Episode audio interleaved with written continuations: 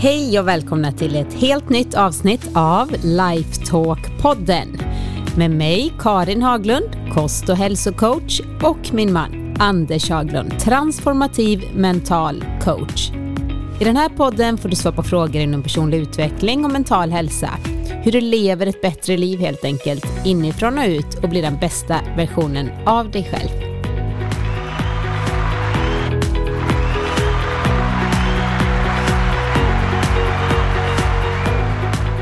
Hej Anders!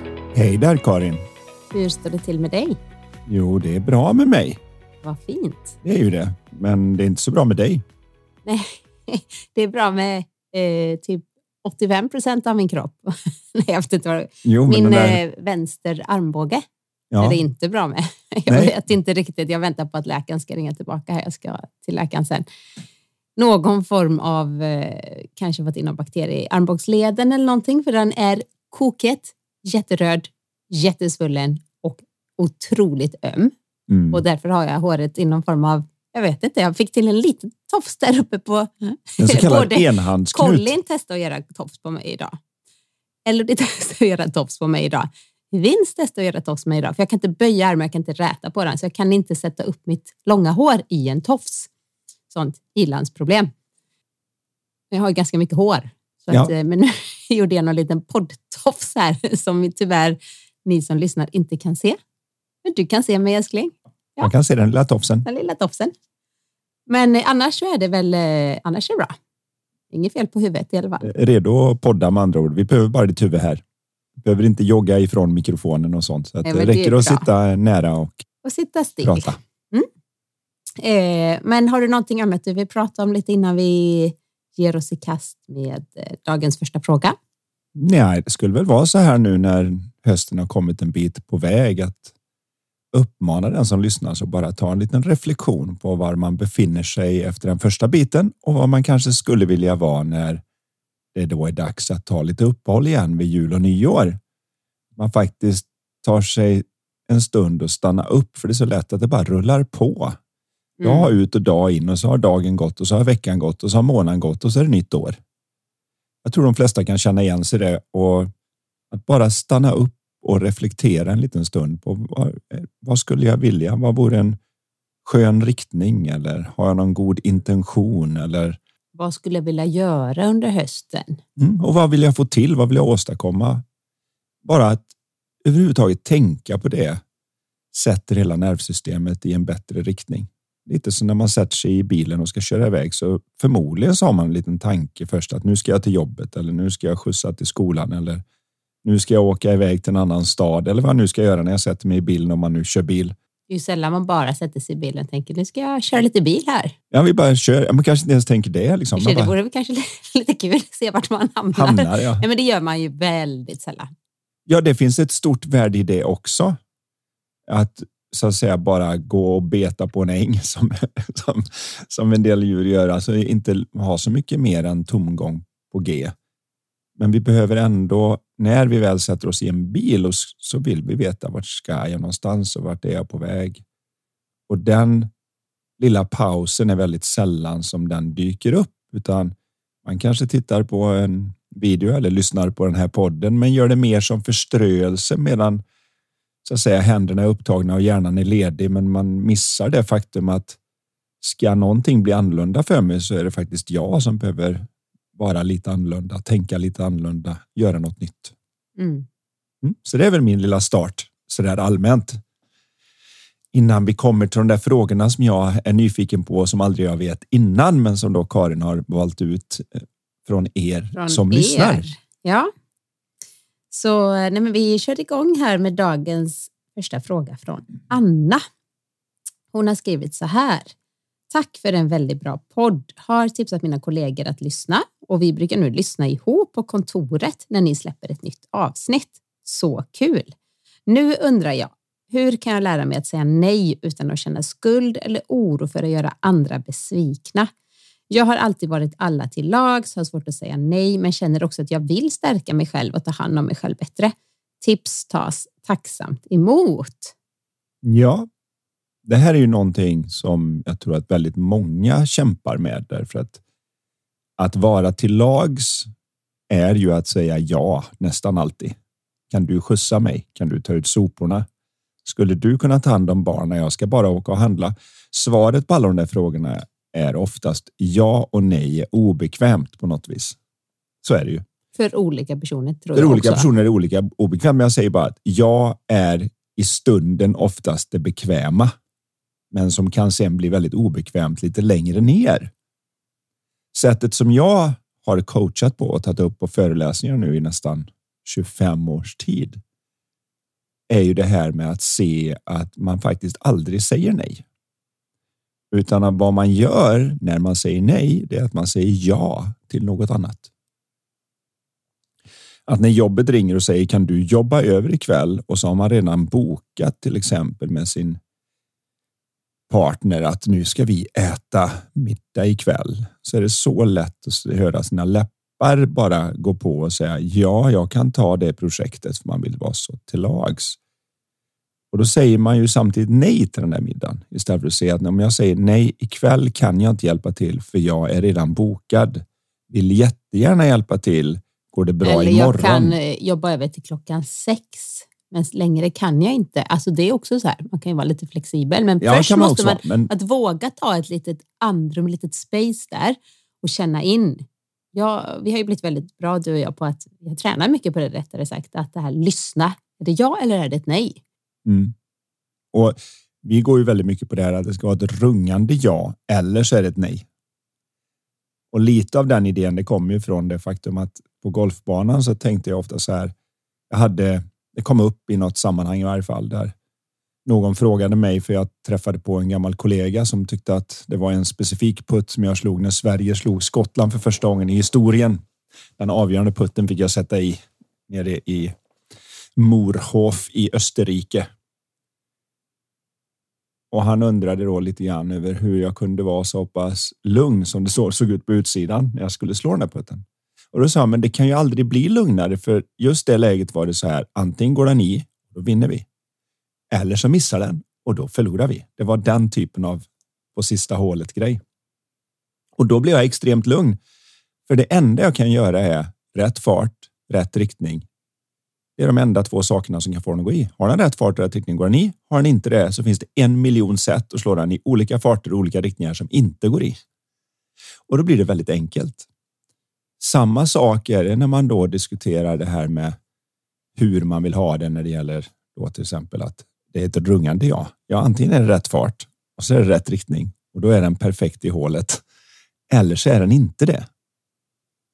Och jag gillar ju till exempel det här när var lite roligt tycker jag. Ett så var det ju att min kompis, han höll dig lite extra länge utanför kyrkan så de fick spela liksom inmarschen två gånger eller någonting. Alla undrar om det var en runaway bride. Nej, men eh, det var inte, det var, nej, det Var det tror inte jag därför inte. det var sen? nej, nej, Nej. Jag satt ju inne i den där vita ja, men han bilen. vänt- in dig. Det var, men det blev Det nog var- missuppfattat. Det var ingen som gjorde detta med flit. men det måste varit... Jag har nog aldrig sett själva- så många lättade ansikten som när dörrarna... Jag Du hade ju ingen aning om att det pappa sitter en helt fullsatt jag så här, kyrka. såg, alltså de såg så typ både glada men också så här lättade. Så jag bara, oj, hej, liksom. Jag, jag har ingen aning. Jag kollar inte exakt. Inte, jag de hade ju börjat klocka. spela det eh, musik var, och alltihopa. Det var inte jättelänge, men det kanske var ja, i och för sig tre minuter. Något Nej, det var av, längre, mycket längre än så. Ja, kanske fyra, fem De minuter. fick spela då. ett par gånger, du vet, så att folk verkligen trodde att okej, du hon har stod, dratt, det blir du stod inget. verkligen där framme Och alla väntade. skruvar på sig. Vad, vad är hon? Ja, vi hade ju valt den där lite amerikanska varianten där din pappa skulle lämna över dig. Ja. Eh, Sådär, så att, det tror jag många gör nu. ja, det gör man Också. kanske. Jag vet inte. Hur som Det är helst. länge sedan. Men det som var lite intressant var att när du väl då kom och du fick frågan om du ville taga denna man så sa du ja, så att det rungade i kyrkan. och det blev till och med så att folk började skratta lite. För att det var inte det var ja, utan det, Det var, var liksom väldigt, Ja, lite försynt, Jätteja. utan det var... det var ett där, Ja. ja, det gör jag verkligen till 100 procent. Det är just den där att förstå att man, när man då säger nej, att man får möjlighet att säga ja till det man faktiskt vill. Mm. Så att man ser det att nejet är inte ett nej, det är ett ja till något annat. Jag säger inte nej till att äta ett halvt kilo smågodis eller vad någon sa på något vi tittade med barnen de tyckte det var normalt att äta ett halvt kilo Vad smågodis. var det? Ja, En mot Sverige eller något var det ja just på. det. Jag säger inte nej till det här halvkilot godis. Jag säger ja till bättre energi och bättre tarmflora, bättre hälsa. Det finns massa saker jag säger ja till där. Bättre sömn den natten. Om inte annat. Så det är mm. så mycket jan i det nejet och många missar alla jana för de blir så fokuserade på nejet. Och där tycker jag att det är lite spännande om man kan börja se den för att det är första tröskeln för många är att se just den där att åh vad det är jobbigt att säga nej. nej men du säger inte nej, du säger ja till det där du vill göra. Mm. Sen säger, säger man ju, du och jag säger ju ja till mycket saker som vi kanske inte helt hundra vill alltid, men just för att det är rätt sätt att, eller rätt sak att säga ja till. Ja, det är ju intentionen det, också det handlar om. Det kan vara så här, ah, nu är ni bjudna här på föräldramöte. Oh, nej, kanske man tänker inte idag. Jag vill inte det just idag eller jag ska göra det här. Okej, okay, men jag, jag säger ändå ja. Alltså jag tar det för att jag vill vara insatt i exakt det som händer, till exempel. Så det är inte det att vi bara gör roliga saker på något sätt. Nu kan i och för sig föräldramöte vara, vara roligt också, men du förstår vad jag menar. Utan, men att ju mer man lär känna sig själv och lite det vi sa, tog upp i förra avsnittet, avsnitt 73, det var ju ja. just det här hur man lär sig lyssna på kroppen, hur man liksom får lite bättre kontakt, lite med sin, inte kalla det intuition, utan bara att, att man lyssnar in lite mera vad som är rätt. För vi kommer aldrig kunna guida någon annan till att säga ja till det, säg nej till det, säg ja till det. Det är rätt. Nej, det vet inte vi. Det vet den personen när den är i kontakt med det vi brukar benämna mentalt klarhet som handlar bara om att man är lite mera i sig själv utan en massa stress och press och oro. Ja, det är det första biten som frågan gäller här då är just det att hur lär jag mig att säga nej? En av de fraser då som man kan använda i varje fall som har funkat för mig.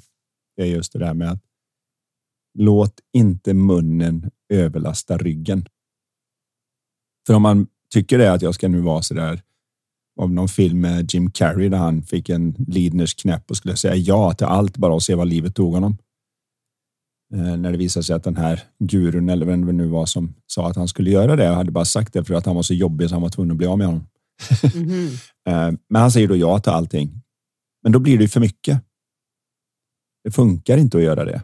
Vi kan inte bara säga ja, ja, ja, ja, ja. Utan det kommer ju med vissa konsekvenser och därför så behöver man lära sig att säga nej utan att då få upp alla tankar på att man är en svikare eller att någon tycker mindre om en. För det här är lite tufft för många du ställer inte upp om man får De som skickar in en fråga så här, då har man ju det att man tycker att det är lite jobbigt att säga nej. Oftast. Ja. Mm. Annars dyker det kanske Annars inte upp så. tänker man ibland säger nej, ibland säger ja. Vad är problemet? Liksom. Men det finns säkert också tvärtom. De som skulle behöva lära sig att säga ja lite oftare. Vill hänga med ut? Ja. Oh, vad obekvämt eller vi ska göra det här, aldrig bovlat innan eller vad det kan vara.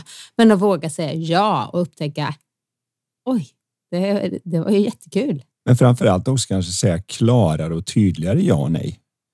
För när man egentligen då menar nej så säger man kanske, du vet, som någon. Kan jag hjälpa dig med någonting? Är du intresserad av att köpa en bil eller någonting? Så säger man inte nej, jag tittar bara oftast, utan det blir något i stil. Men ja, det kanske, men inte just nu. Ja.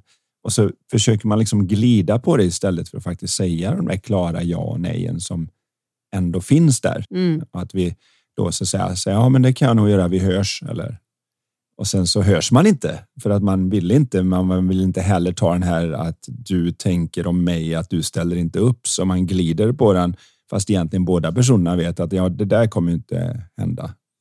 Fet chans liksom. Så var lite klarare och ärligare mot sig själv mm. med vad är ja och vad är nej.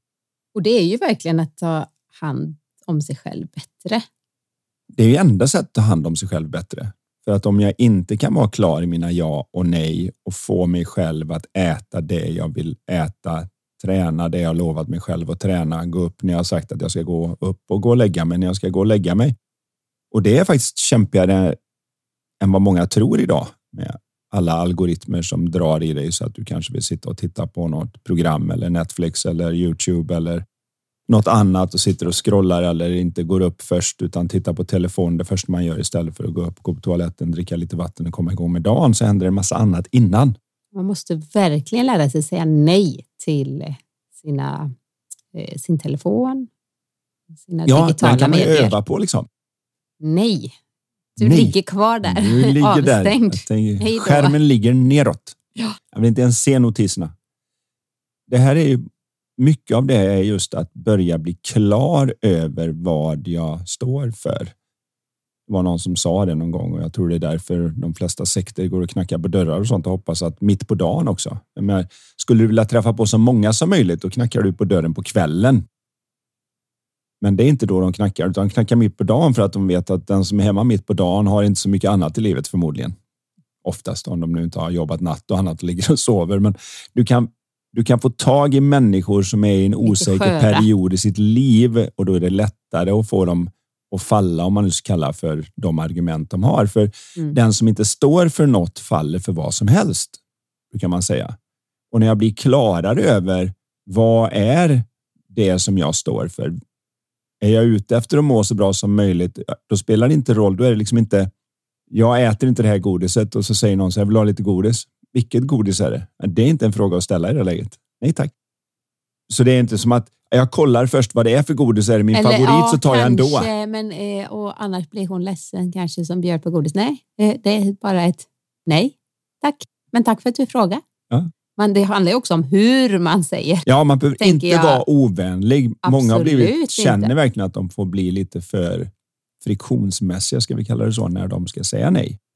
Så att det, man kan ju säga nej väldigt trevligt att nej, det kan inte jag. Eller som jag sa då innan, man behöver respektera sin egen tid lika mycket som man gör med sin professionella tid. För att om någon ringer på kontoret du har ett möte klockan 11 till 12 och de säger kan jag ringa dig vid kvart över 11? Så nej, jag har ett möte med halv 12 så det går inte. Det är ingen som tänker, ja men då kan du väl flytta det mötet. Nej, det är bokat. Mm. Det gäller att se att ett träningspass klockan åtta med min kompis är lika bokad. En middag med mina nära och kära är lika bokad. Så att när någon ringer där så är, behöver man inte tala om det. Nej, jag tycker det är viktigare att äta middagen och vara med dig. Det var ju otrevligt. Mm.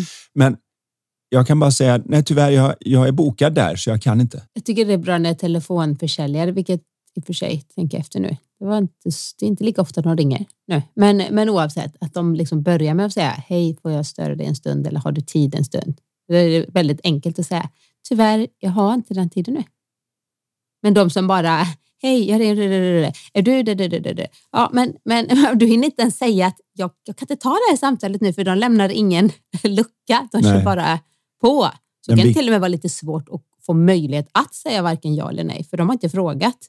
Många av oss gör ju tyvärr så också att vi svarar lite vanemässigt i telefonen bara för att det ringer. Istället för då att faktiskt, eh, med rätta skulle ju försäljaren säga om du är så busy, varför svarar du?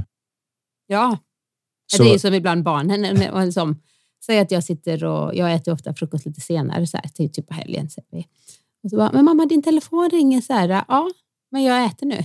Så jag så här, ja, men jag, och så hör man hur de svarar. Ja, men det, det är din ja, men, ja, varför svarar du? Säg jag ringer sen. Kan du hälsa det? Att mamma ringer sen. Okej, mamma ringer sen. Hon äter det här är ju tiden innan vi ens träffades. När jag hade börjat med att ut och föreläsa och annat så kommer jag ihåg när jag började fungera runt de här banorna och då var det ju fortfarande att man kanske hade en fast telefon i varje fall med någon form av trådlös fast telefon. Så satt man och pratade och var inne i någonting med lite goda vänner och sånt. Så ringde det i telefonen så är man liksom ring. Och så ser man hur alla börjar bli så här. Kan inte du svara? Och så fortsätter jag prata om så här. Den Tredje, fjärde så är det liksom det ringer. Och jag vet, men vi är inne i ett samtal. Ibland händer det till och med att de klarade inte av att höra telefonen ringa, så de gick och lyfte luren, svarade åt mig och kom in med den där trådlösa stora telefonen som fanns på den tiden och sa det är till dig. Ja, det borde det vara. Det är mitt nummer liksom. Och det tyckte jag var skönt när det kom, alltså nu låter det som vi är hur gamla som helst, när det, det, kom det här med telefonsvarare i den fasta telefonen, för det fanns ju inte från början. Nej, Men sen fanns det så då visste man så här, ja, ja, är det något viktigt så kan jag lyssna av telefonsvararen, för då lyste den. Eller så Ja. här, att du har ett nytt meddelande. Då kunde man ju få reda på vem det var som ringde och det är också det här när det kom nummerpresentation, kom du ihåg det? Innan hade man ingen, det kunde vara vem som helst. Du bara missade det samtalet, du vet inte vem det var som ringde. Du har ingen chans att ringa tillbaka för du visste inte vem det var. Men sen kunde du kolla det. Himla käckt. Och nu kan du ju få reda på allt. Du Det- bara googla det numret om det är ett nummer du inte känner till. Det jag ville få fram var det här som man ofta ser då när man är ute och äter eller vad det nu än är. Det sitter ett gäng och så ringer telefonen och då plockar genast den personen upp telefonen ur fickan eller vänder den från bordet eller vad de nu har den. Vilket egentligen signalerar till de andra. Jag vet inte ens vem det här är, men det är viktigare än vad vi håller på med.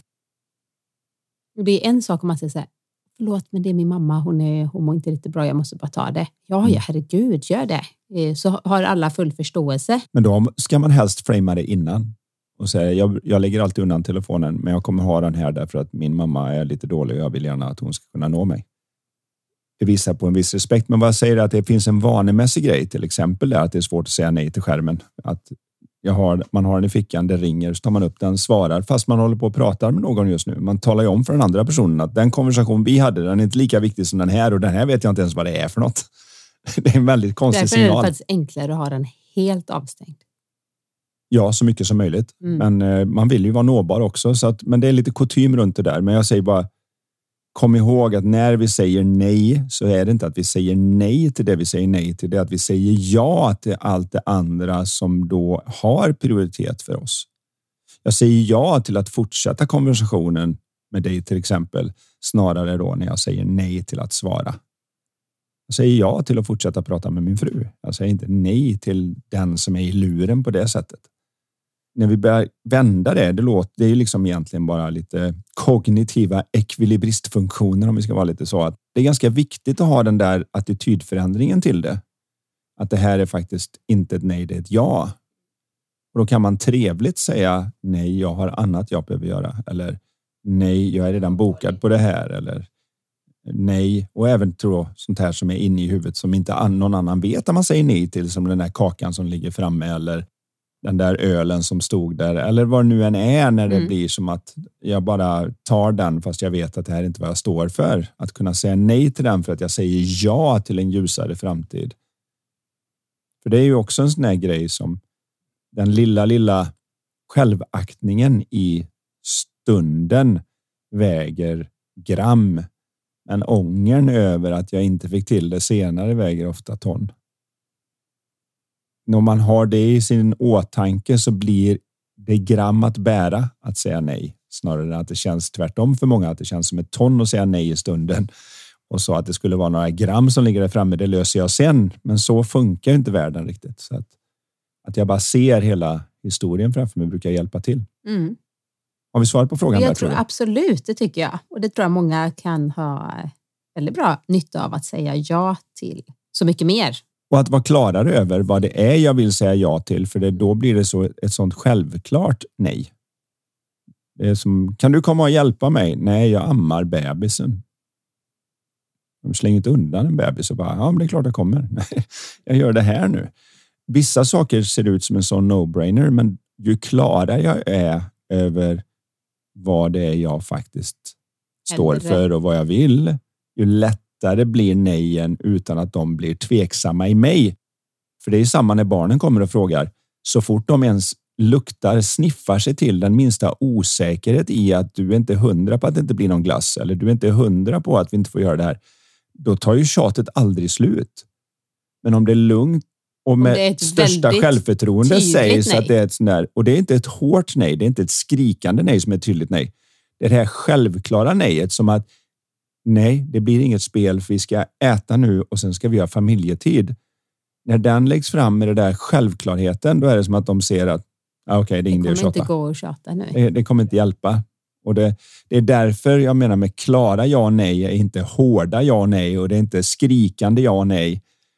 För när jag måste skrika fram det, då är jag lite osäker på vad jag egentligen vill. så Så är man bara jobbigt. lite stressad och Fortsätter vi lite till på den frågan igen, men det, det Ja, är en nej. vanlig sak tror jag som många kämpar med. För jag ser så många klienter och folk som jag pratar med när jag är ute och föreläser som verkligen låter munnen överlasta ryggen. Istället för att då tala om att jag kan inte ta på mig mer just nu. Och om du vill att jag ska ta på mig det, då vill jag ha reda på vilket av det här som jag håller på med vill du att jag skippar? Precis. Det Att man faktiskt där, lägger fram det där ty tydligt att så ligger det till. Men det jag också tyckte var väldigt roligt från Anna här, det är att höra att, de lyssnar, att hon lyssnar ihop med sina kollegor. Ja, Det beror Det är lite på vad man spännande. jobbar med. Men det Då får vi säga hej himla- till både Anna och kollegorna nu då, om de lyssnar tillsammans på det här. När de får sin fråga. Ja, Förhoppningsvis då lite snirkligt besvarad för att jag gärna vill svara på frågor som andra hade som de inte visste att de hade om det här med ja och nej. Mm. Eh, vi tar en ny fråga. Hej på er! Jag undrar om ni kan ta upp om sömn och problem med sömnen i er podd. Vilka metoder finns det för att förbättra min sömnkvalitet och hantera sömnproblem? Jag har lätt för att somna, men jag vaknar nästan alltid mitt i natten. Jag har svårt att somna om. Det är otroligt jobbigt faktiskt. Det vore skönt att höra er diskutera detta i podden. Sömnen är ju så viktig för att vi ska må bra.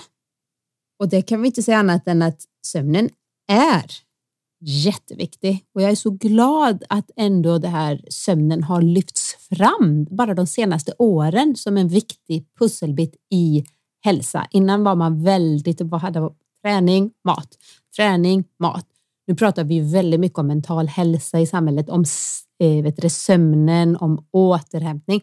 Det gjorde man inte alls så mycket för 5-10 år sedan.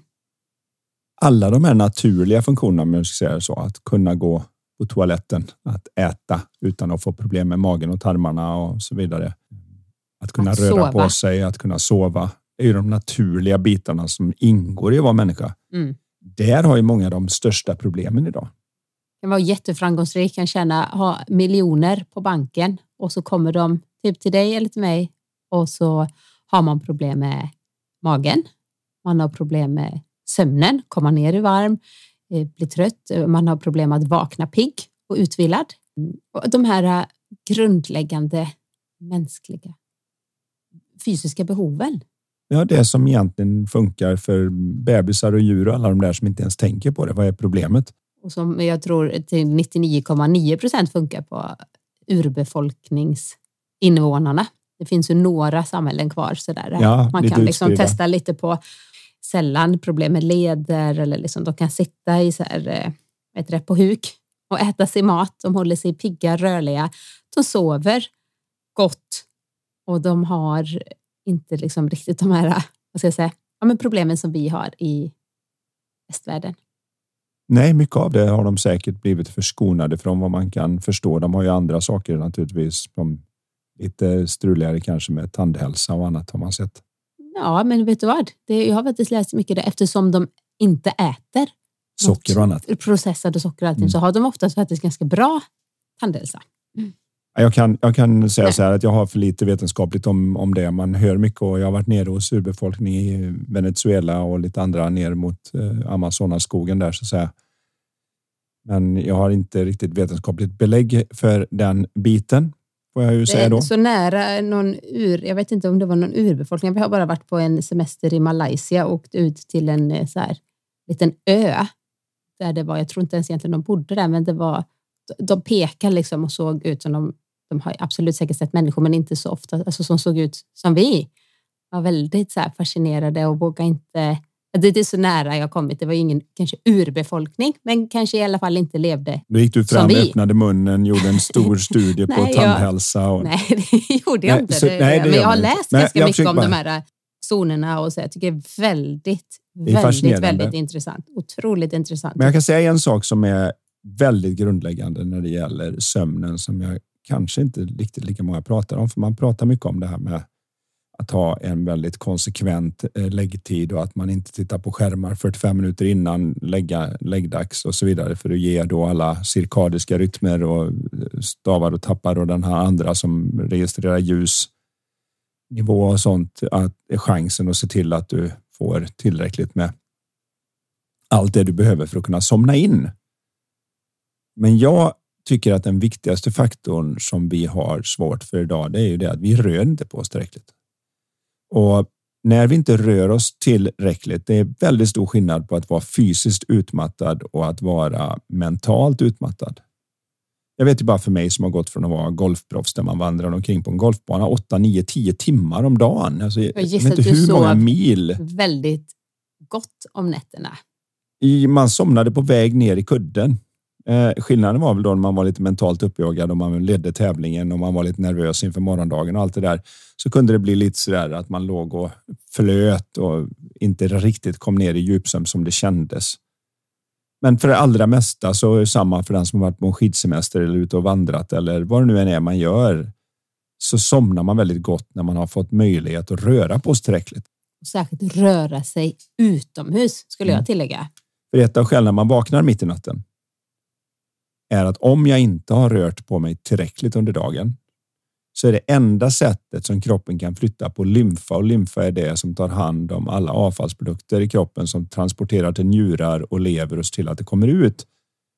Det har ingen egen pump. Det finns lite lymfnoder som gör lite veka försök med det där och hjälper till, men i övrigt så har den inte en pump så som hjärtat pumpar blod. Så det enda sättet som lymfa flyttar på sig ordentligt, det är via eh, fysisk rörelse Rörelse och, Och att man även ko- djupandas.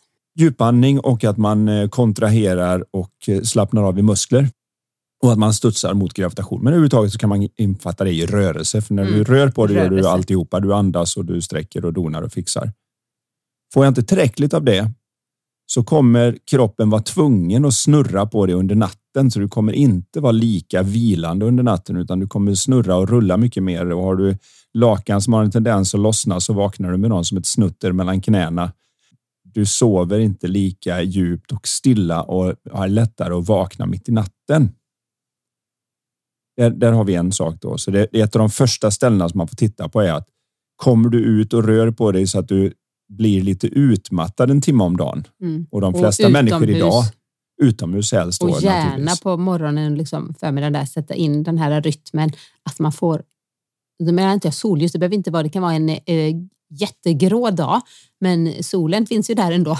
Alltså ögat registrerar att nu är det morgon, nu är det Ja, att förmiddag. det första inom de första 5-10 minuterna av att man har gått upp så vill man ha dagsljus i ögonen för att tala om för kroppen att nu är det dag. Det hjälper ju till med melatoninet och allt det där. Men som första steg så skulle Mm, jag titta absolut. på rörelse. För att om du inte rör på det tillräckligt så kan du inte få en tillräckligt vilsam sömn. Den andra delen då är det rent mentala. Är, känner jag att jag är klar? Har jag fått bocka av saker? Hjärnan får vad man kallar kognitiv dissonans när vi inte får göra klart. Det är någonting man kan använda inom hypnos. En av de snabbaste induktioner som det heter inom hypnos är att man sträcker fram handen för att hälsa på någon. Automatiskt utan de tänker sig för så går deras hand upp för att hälsa. Men istället för att man hälsar på dem så tar man tag i handen och lyfter undan den så de får inte göra klart. Då blir hela nervsystemet helt förvirrat. Jag fick inte göra klart. Jag fick inte göra klart. Jag fick inte göra klart. Och då kan du stoppa in vad du vill där. Mm. Och så när du har gjort då den här suggestionen som man kallar det, då tar man ner handen och så avslutar man handslaget och så vaknar de till när de fick göra det här. En av de om man nu snabbaste. kan, eh, om man kan det här med Annars bara lämnar man människor helt ur... eh, ur gängerna. Liksom. Ja. Så det är inget man ska leka med så sätt. Men man märker tydligt att folk blir lite då kognitivt störda av att inte få göra klart. Mm. Vi är väldigt mycket så att man påbörjar någonting och så får man känna att det var det klart. Och då känns det liksom skönt. Att påbörja någonting och inte få göra klart det är oskönt och det borde alla chefer där ute tänka på. Att, att ha ett klart start och slut för vad man kan hinna den här dagen. För naturligtvis finns det projekt som är mycket, mycket längre än att göra- klara det på en dag. Mm. Men att få känna att nu blir jag klar. Jag är klar nu. Jag gjorde vad jag skulle. Jag är Det är nöjd. väl det kanske som är skillnaden med du vet när man jobbar lite mer fysiska jobb. Att man har, jag kan bara gå tillbaka till när jag hade egen salong och hade kunder. Okej, kund nummer ett kom. Kund nummer ett går. Är jättefin i håret. Klick, klart, jag kan stryka. Det blev färdigt. Det är väldigt sällan du klipper och bara, nu var klocktiden ute, du får komma tillbaka imorgon. Du blir Gå hem med alltid... ena halvan av huvudet rakat. Nej, men du blir alltid färdig. Och, och jag kan ibland känna att man, vad har jag gjort idag? På riktigt kan jag säga det, att man sitter på kontoret. Åh, jag har suttit på kontoret. Ja, det låter ju himla... Eh, men, men det är inte det att jag har suttit och rullat tummarna. Du vet ju, du känner mig. Jag är inte den som Nej. sitter med fötterna upp och liksom inte gör något. Men jag undrar sen efteråt, vad har jag gjort? Det är massa olika lösa trådar och svar pling plong där, eh, svara på något mejl där, påbörja något projekt. Eh, det är, nej, jag kan ibland alltså, verkligen sakna det här att, eh, så jag förstår precis vad du menar, att bli färdig. Och jag tror också när du fixar lite här hemma, när du liksom, nu ska jag måla någonting eller fixa någonting. Och det är så underbart skönt att bli alltså fysiskt bli färdig med något, man ser ett resultat. Och, och det tror jag inte är helt bra just idag att vi jobbar så digitalt och framför skärmar och allting, att det blir det kommer liksom bara nya mejl. En aldrig lite never ending story. en never ending story. Och där behöver man då sätta upp egna mållinjer Mm. och säga nu är jag klar när det här är gjort. Det får jag liksom bestämma själv, för det här är ju bara mentala saker. Det är ingen som vet när saker är helt klara och annat egentligen, utan men det är viktigt och det är enormt nedslående för en människa att vara nära mållinjen och få den flyttad. Det är En av de vanligaste känslorna av frustration är den. Eh, när man får ett rörligt mål. När någon säger ja, du var nära, men eh, vi har sagt eh, 200 till. Va? Jag var ju klar. Det är jättejobbigt. Så fysisk rörelse, träning, då menar jag så att man svettas på riktigt. Det är, även om det är bra att gå ut och gå på en promenad och sånt så räknas inte det för sömnen på samma sätt. Det är självklart jättebra. Men för att sova gott, då är det den här lite mera eller ute att man och har kanske, anstränga sig på något eller om du har vis. varit i trädgården typ i många timmar.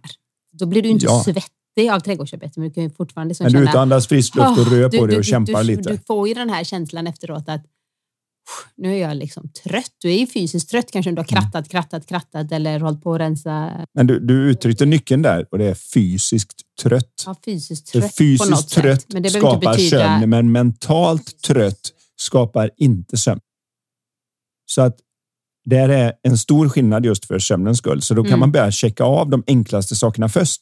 Ungefär som vi pratade om när det gällde första frågan när vi pratade om ja och nej och jag nämnde det här med att det finns bara ett sätt att få den är rätt fart och rätt längd. På samma sätt så kan man börja checka av de enkla, lågt hängande frukterna först för bra sömn. Då skulle jag säga en jätteviktig till som jag tror är en eh, jättestor orsak till att folk har mycket sömnproblem idag. Ja. Eh, Koffein, kaffe. Alltså vi dricker så mycket kaffe. Ja, inte Och- vi i och för sig. Nej, inte vi dricker inget kaffe, Nej. men eh, det, med det sagt behöver det inte vara dåligt med kaffe på något sätt så. Jag tror jag drack min eh, förra hur- kopp kaffe 83 när man var tvungen att ta en, beställa någonting för att ens få befinna sig på ett café när det var kallt ute när alla gick och drog på gågatan. Ja, Eh, Det är nog sista gången och då höll jag mest i den. Jag drack inte så mycket för jag gillar inte så mycket kommer jag ihåg. Så att jag kunde få i mig lite var att jag beställde någon form av macka och så doppade jag mackan i kaffet och åt den för jag lärde mig aldrig att tycka att kaffe var något vidare. Men det finns ju de som verkligen älskar sitt kaffe. Jag har ju coachat väldigt många människor som eh, gillar sitt kaffe, absolut. Och då säger jag du ska ha kvar ditt kaffe, du ska bara minska din konsumtion och bli lite mer medveten. Och det har de ju sagt gör så mycket för att nu inser de ju själva att Gud, jag bara gick och slentrian drack kaffe typ på eftermiddagen eller bara för att alla andra drack. Nu tar de kanske vatten eller häller upp lite te eller citronvatten. Så njuter de av sitt kaffe på morgon, förmiddag. Dricker inte mer sen.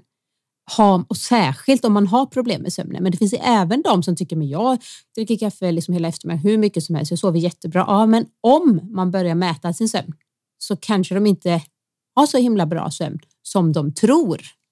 Och det, det är ju jätteintressant idag. Nu är inte jag så mycket för att mäta, men Anders är det. Eh, men, eh, och jag har ju också klienter som har de här åraringarna och, så, och man, och man ser väldigt tydligt. Så att där var lite noga med att jag skulle säga max en två koppar kaffe max per Innan lunch. dag och gärna innan lunch. Inget efter lunch för att det påverkar faktiskt din sömn. Så det är ändå en ganska enkel grej. Nästa grej är också att vi ofta äter För för sent. sent. Kanske många äter kanske middag vid 6-7, men sen äter de något mera. Och magen, alltså magen tar ju väldigt mycket av vår energi och matsmältning. Om kroppen då ska behöva ligga och smälta maten när du egentligen behöver reparera dig på natten och lymfan ska jobba och allting så här. Jag sover som bäst, alltså jag äter ju, men jag går ju också och lägger mig lite tidigt, men jag gillar ju att äta, alltså verkligen, det får gå många timmar från att jag ätit tills jag går och lägger mig. Man brukar säga minst tre, fyra helst där, från att man, alltså tills man lägger i sängen från att Det är man har ätit absoluta något. minimum. Eh, Man tänker ju att det inte gör någonting och speciellt då om man äter någon form av eh, Tung mat. Lite, ja, inte så mycket tung mat som att du äter kolhydrater och annat som är lite sockrig och annat stör sömnen mer har de märkt faktiskt. Och just det här med uppvaknandet då. Eh, är korrelerat med de två sakerna vi pratade om innan då, att man kanske inte riktigt har rört på tillräckligt och man in, känner sig inte klar. Man behöver bestämma. Det gör att hjärnan nämligen går igång under natten och försöker lösa och fixa och dona och det blir en lite ytligare, mer drömmig sömn och man får inte riktigt lika mycket djupsömn och man sover sig inte lika länge. Nu vet jag inte vad det är för ålder här, på den här personen, nej, men den andra är ju att när man väl blir väckt. Ja. Om man då är lite kissnödig och känner att man måste upp och kissa när man väl har gjort det, då är ju liksom kroppen nästan uppe i varv igen och nu är det svårare att komma tillbaka i. Det är ju också en liten åldersrelaterad grej här faktiskt, ja. för att vi sover. Tyvärr är det så att när vi blir äldre också sover vi sämre. Som kvinna i klimakteriet till exempel, då har det med hormoner att göra, progesteron och så vidare som minskar som påverkar vår sömn. Så det kan vara ett av tecknen. Vet vi inte som, riktigt vad det är för nej, ålder? Vi, vi, vi har ingen aning så vi gissar bara. Vi vill bara säga det att det finns. Det finns då kanske man behöver testa vissa eh, antingen hormoner eller något för att balansera sina hormoner eller något örtpreparat eller någonting för att det kan påverka. Men generellt så är det ju som du sa fysisk träning men också med stressen och så vidare. Så det, det är svårt att säga. Det finns liksom inte en sak utan ofta är det om man rannsakar sin livsstil, sitt liv så ser man oftast att det är flera saker. Det är på sätt och vis positivt för då är det ganska enkelt att finjustera på flera saker. Och jag brukar ju nästan lite raljerande säga det att om man gör rätt så blir det inte fel. Men då behöver man också titta på vad är, vad är de enkla sakerna som är att göra rätt som vi är menade att göra rent naturligt. Ja, nummer ett, vi är, vi är gjorda för att röra på oss, klättra, kasta, jaga, hoppa, studsa, vila däremellan. Det, det är liksom hur vi egentligen är gjorda för att fungera. Det är inte vad vi gör. Jag, jag tänker bara så framför mig att man säger, okej, okay, nu ska jag på morgonen man kommer låter jag bara så framför mig att man blir typ så här, ut på savannen med sitt spjut. Liksom. Anders har sagt att nu ska vi leva naturligt, ut och jaga. låter jag är nog bara trött Men, ja. ja. Men jag fattar vad du menar. Men, jag, men det är ju den första det... att bara titta på och den andra är då den här känslan av om man vaknar på natten är att det kan finnas en bakomliggande, bara lite i tanken, känsla av att jag fick inte göra klart. Jag är inte färdig. Och då, då ligger det på lite grann och man kan även se då om det parasympatiska systemet är igång för mycket. Det är mycket snack just nu om vagusnerven och eh, hur man får sitt HRV ja, att bli högre och hur mycket bättre man sover och så En vidare. annan sak eh, som jag gör och har gjort nu i över ett halvår, kanske tio månader eller någonting, men som jag tycker fungerar väldigt bra. Och det är ju att tejpa munnen med en sån här sleep tape. Man, man kan ta vanlig sån, eh, vad heter de här tejpen man köper, hudfärgad tejp som ja. finns på apoteket. Du helt enkelt tejpar din mun för att säkerställa att du andas via näsan när du sover. Vilket jag då kan rapportera fungerar mindre bra om man har lite skägg. Ja, vi har, jag har ju försökt. Jag bara, men du måste börja tejpa, det är så bra. Jag bara, men det går ju inte. Det fäster ju inte. Liksom. Fäster inte när man har lite skäggstubb runt munnen. Du får testa verkligen så här, vara renrakad varje dag. Bara för att kunna just tejpa. Det, bara där. Så det blir en sån, eh, ja det ser lite roligt ut. Ja, men mycket handlar ju om det att många studier visar hur mycket bättre man faktiskt mår om man andas genom näsan, speciellt på inandning. Ja, egentligen. Du ska andas faktiskt genom näsan hela tiden säger jag nu då som håller på går Anders Olssons eh, utbildning till andningsinstruktör. Det är mm. otroligt eh, intressant. Men, så, men det är en grej man kan göra, kanske ja. lite överkurs, men det börjar med de andra grejerna först. Men det gör väldigt många och de jag coachar märker att det gör skillnad för dem. Sen en grej som vi glömde säga som egentligen är jätteviktigt, det är ju det här med ha det mörkt och svalt. Ja, själva miljön gör ju mycket för hur bra man kan sova just det här att man har så bra mörkläggning som möjligt gör väldigt mycket för att kunna sova hela natten igenom.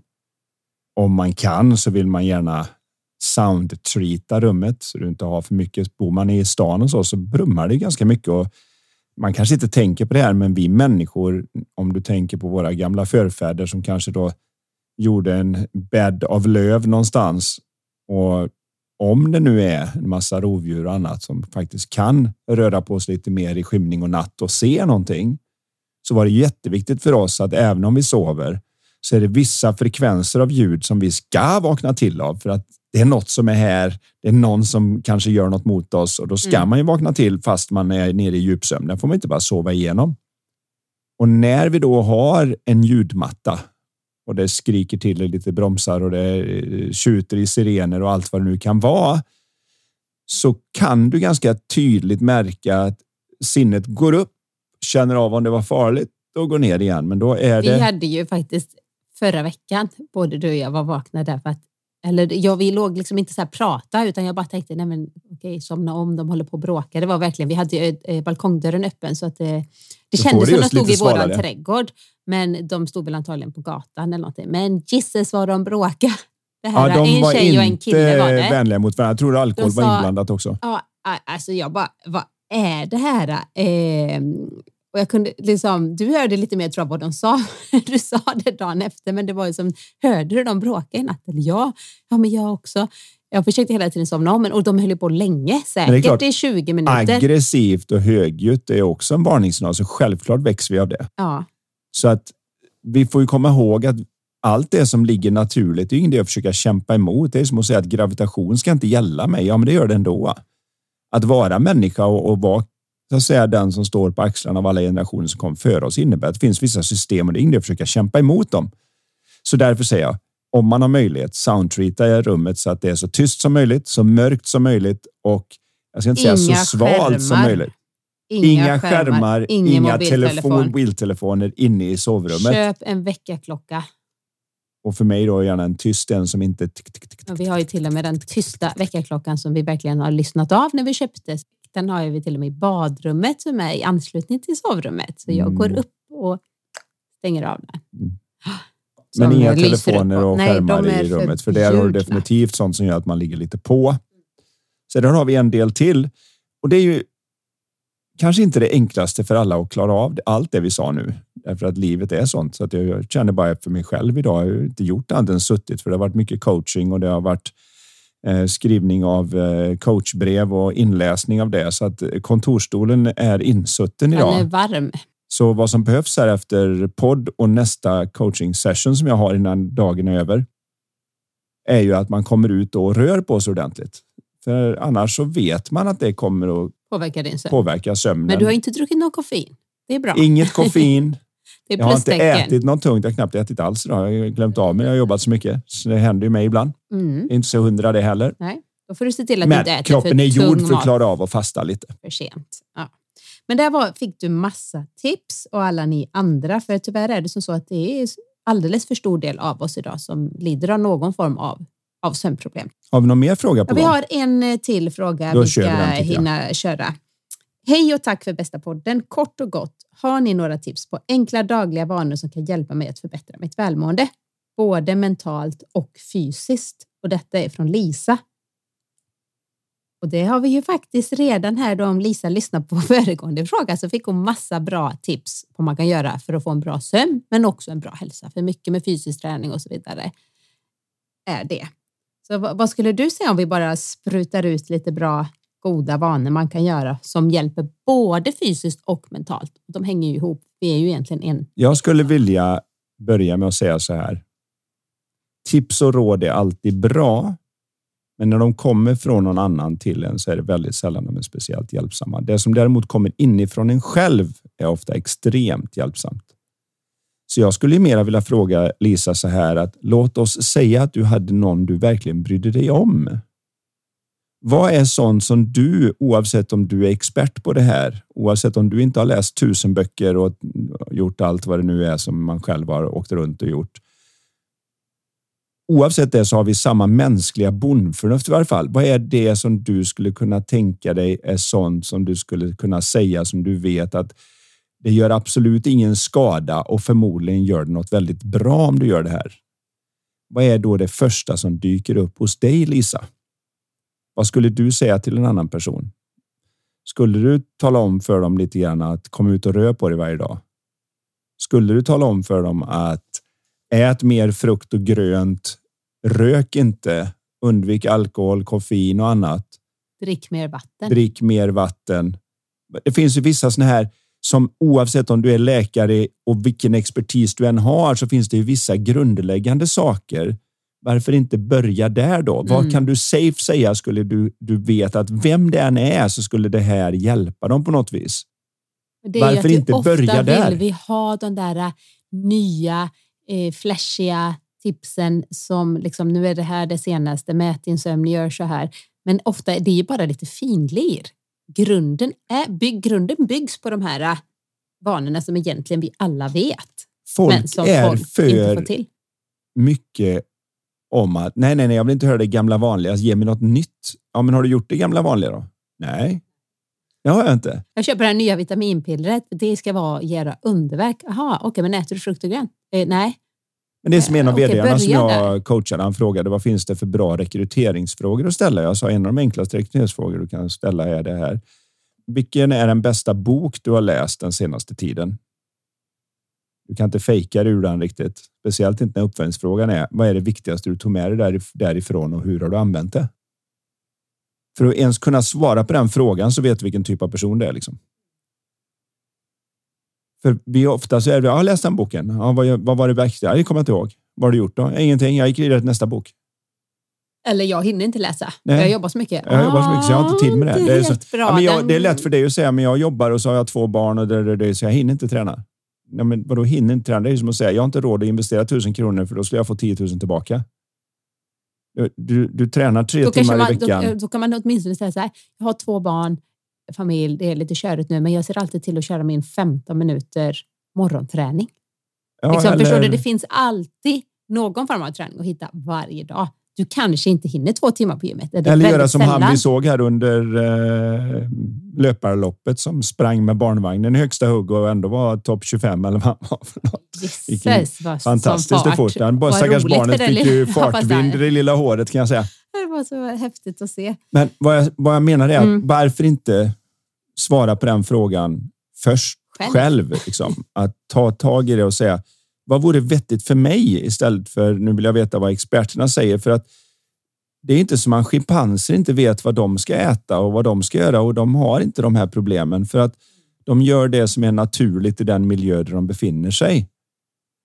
Sen är Men det om vi ska lägga att några, några tips som man kanske inte riktigt tänker på sådär, så skulle jag säga att eh, eh, skriva ner alltså, vad du är tacksam över. Det är ju en ganska enkel vana att göra som Mm. hjälper ditt sinne att rikta in sig lite mer på det så det blir lättare och lättare.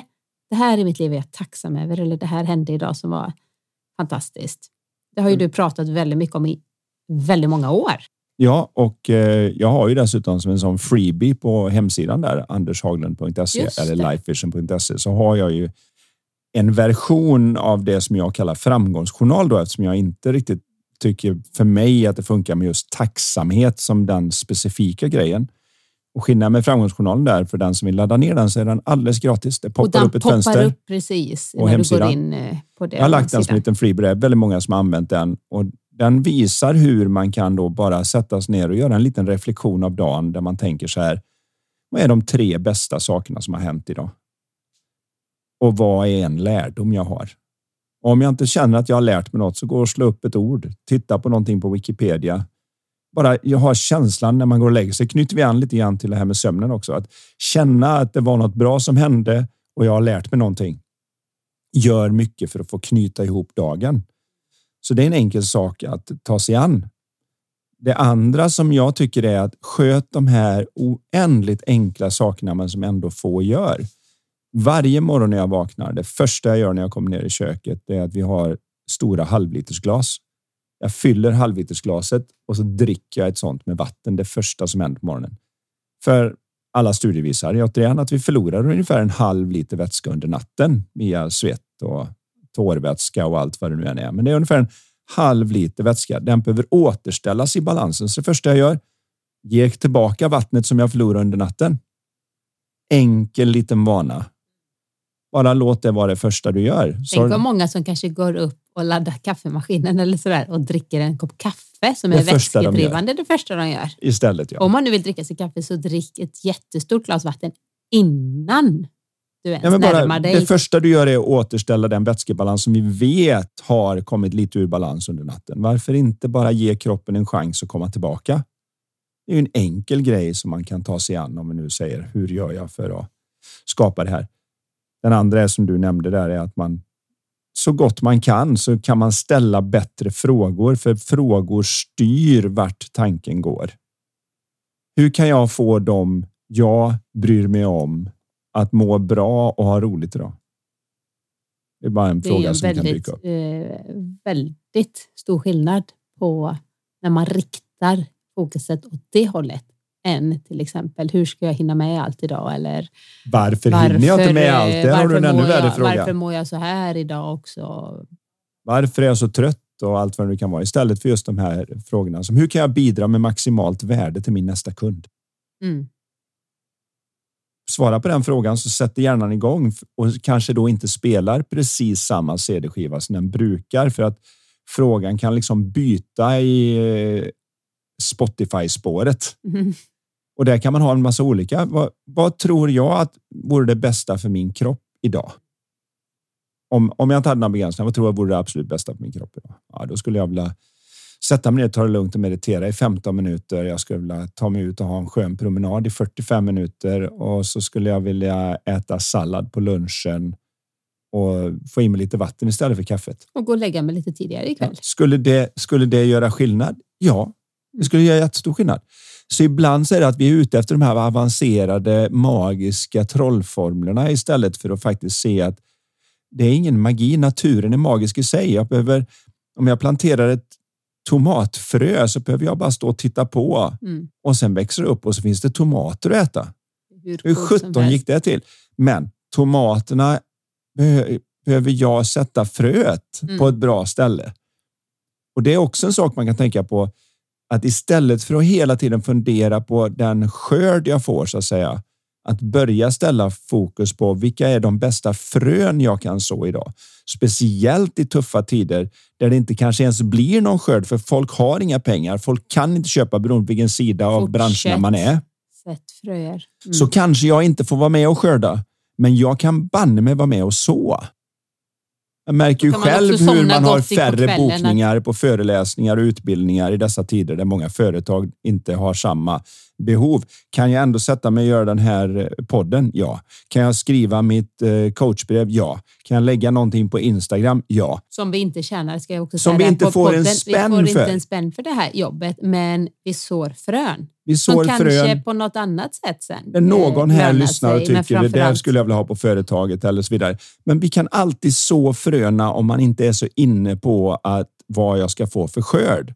Mm. Och det är en villkorslöshet i det som är oerhört bra för en själv också, för då kan jag känna att man är med och bidrar för att man vill bidra och då kan jag etiskt be om något värde tillbaka sen. Mm. Den skiftet att man tittar på hur mycket jag har sått idag snarare än vad jag har fått idag. Jag skulle vilja säga en sak också, det här med att vi äter ju alltså bara åtta av tio. Alltså åtta av tio rättare sagt kommer inte upp i rekommenderad mängd fruktbär och grönt per dag som är 500 gram, som jag tycker är för lågt. Så det vill säga två av tio kommer bara upp i det. Ett enkelt sätt är smoothies. Och det har jag haft som så här utmaning i mina eh, grupper och membership och så att drick en grön smoothie varje dag. Och med grönt så behöver inte allt vara grönt utan bara någonting grönt i ihop med frukt, kanske avokado för krämighet och så vidare. Jag har ju hur mycket recept som helst på det. Det är bara att googla eh, eller kolla på min blogg och mina böcker och så. Men det är ett så trevligt, gott och enkelt sätt att faktiskt få i sig en stor mängd. Och jag gör ju, du vet ju det, jag gillar ju att preppa. Så det finns ju och ofta på morgonen när jag kommer tillbaka från min yoga så tar jag ut min smoothie, jag dricker den aldrig kall. Den får stå där ett tag tills den är liksom mer rumstempererad och jag börjar bli, eftersom jag fastar också där, börjar bli hungrig. Då börjar min kropp känna, nu är jag hungrig helt plötsligt. Och då tar jag min smoothie som, för att avbryta fastan. Eh, men eh, det, den kan man ju ha med sig till jobbet, man kan ta det som mellan, man kan ta det efter träning, innan träning, vad som helst. Men bara, eh, man behöver bara en mixer och så behöver man såklart lite bra ingredienser. Men jag kan ju gå ut i trädgården, plocka lite mynta, nu har vi mycket. På våren kan det vara kirskål om jag är ute på promenad. Släng i min smoothie. Så att det behöver liksom inte heller vara så himla dyrt. Och Nej, det går ju faktiskt att göra på en massa Det bra ogräs som du har tittat på där du kommer hem med alla möjliga konstiga saker som man tänker det där står väl bara i vägkanten. ja, Eh, gör det. Och det Men man ska inte plocka. Och, jämte liksom en väg där det är ett, alltså en trafikerad väg. Nej. Men där våran park är liksom ganska närheten där. Har ju mycket utav kirskål och sådär just på våren och sommaren. Men eh, som sagt var, det finns massa, massa bra saker. Men hoppas att Lisa och alla ni andra fick med er eh, nej, men någonting som kändes, ja men det ska Och jag jag vill gärna med. ta med en grundläggande sak till som vi säger om och om igen, men som jag vill vänligt påminna om ännu en gång, för det är så lätt att glömma av grunderna. Den största skillnad som jag ser som skulle hända i världen, det är att folk blev mindre rädda för sin upplevelse. Med upplevelse menar jag de känslor man har. Oj, vad rädd jag är för den känsla jag får om jag säger nej och du ser missnöjd ut, till exempel. Jag är egentligen rädd för känslan jag kommer Oj, få. vad rädd jag är för att jag inte har sovit i natt. Oj, vad kommer det innebära. Man stressar upp Så sig om lite vi i kunde vara onödan. mindre rädda för vår upplevelse, vilket innebär att jag börjar förstå att jag behöver inte ha en åsikt om alla tankar jag har. Jag behöver inte göra en big deal av det jag tänker. Jag behöver inte ta allt på allvar. Jag måste inte fortsätta. Och det är samma sak om saker som händer på utsidan. Jag måste inte ha en åsikt om vad någon sa eller gjorde. Jag måste inte göra det till en debattartikel, jag- vare sig i mitt huvud eller utanför. Och ju mer jag gör det, för man tycker, ja, men då lever man i förnekelse och låter en massa saker hända. Nej, det gör du inte. Vad du gör är att du ger dig själv friheten att ha en skönare känsla i vardagen. Och det är vad välmående handlar om. Så därför måste du lyssna på Lifetop-podden varje dag. Nej, jag skojar bara. Vi skulle kanske komma med dagligt, litet tio minuters avsnitt. Men det är inte planen, utan vi Nej. släpper ju ungefär en timme blir det ju. Ja. Varje avsnitt, varannan vecka. Och nu ser det Och- ut som att det här har gått till sitt slut, för nu Ja, sitter Karin sitter med jag ett med litet mitt- life-talk-kort. För varje avsnitt så avslutar vi alltid med en fråga från vårt spel som heter just Lifetalk. Och idag står det så här. Vad tror du att andra kan vara avundsjuka på gällande dig? Mm. Det var en annorlunda fråga. Den kommer jag knappt ihåg, fast vi har gjort dem själva. Det är en bra fråga. För Ja. ofta så har vi så fokus, särskilt idag med sociala medier och allting, vi ser vad alla andra har. Tänk nu på, vad tror du att andra kan vara avundsjuka på gällande dig? Det finns Mm. massor av saker, en hel Man A4-lista. glömmer ibland av saker Skriv som man har som är ner. bra för att man hela tiden jämför med det som man inte har. Och det är väl en av de där viktiga bitarna att man börjar se det, att det spelar ingen roll vad jag inte har. Det som spelar roll är vad jag har och vad jag gör med det nu. Fint sagt, så sant Anders. Så där avslutar vi för idag. och ha det bäst allihopa. Tack ska ni ha. Kram på Hej! er.